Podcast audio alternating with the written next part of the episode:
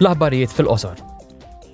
It-terremot li laqat it-Turkija u s-Sirja fl-għodwa ta' tnejn li għadda diġa ħalla eluf mejta, fil-waqt li ħafna nies għadu maqbuta taħt it-tifrik.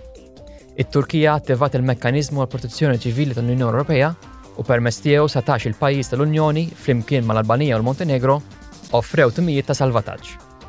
Dax-il tim diġà jinsabu fuq il-post. Fis-Sirja, l-Unjoni Ewropea qiegħda f'kuntatt ma' sħab umanitarji fuq il-post u qed tinkunsidra l-għażliet kollha biex tibgħat riżorsi addizzjonali fis-Sirja ħalli tgħin dawk affettwati. Illum il-Kumitat għall-Industrija, Riċerka u l-Enerġija ivvota fuq abbozz ta' liġi biex l-iskemi nazzjonali tal-identità diġitali jsiru interoperabbli fl-Ewropa kollha u biex l-aċċess online ikun faċilitat għas-servizzi pubbliċi ewlenin.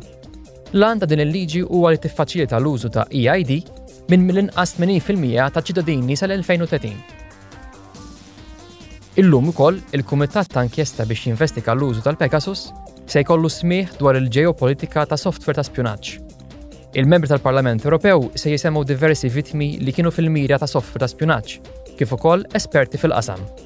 Dan is-smigħ isegwi dak organizzat f'Diċembru dwar is-software ta' spjunaġġ użat f'pajjiżi terzi.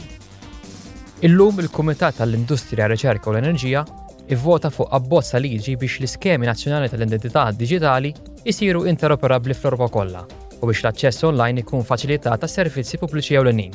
L-għan ta' din il-liġi huwa li tiffaċilita l-użu ta' EID minn minn inqas 80% ta' ċittadini sal-2030.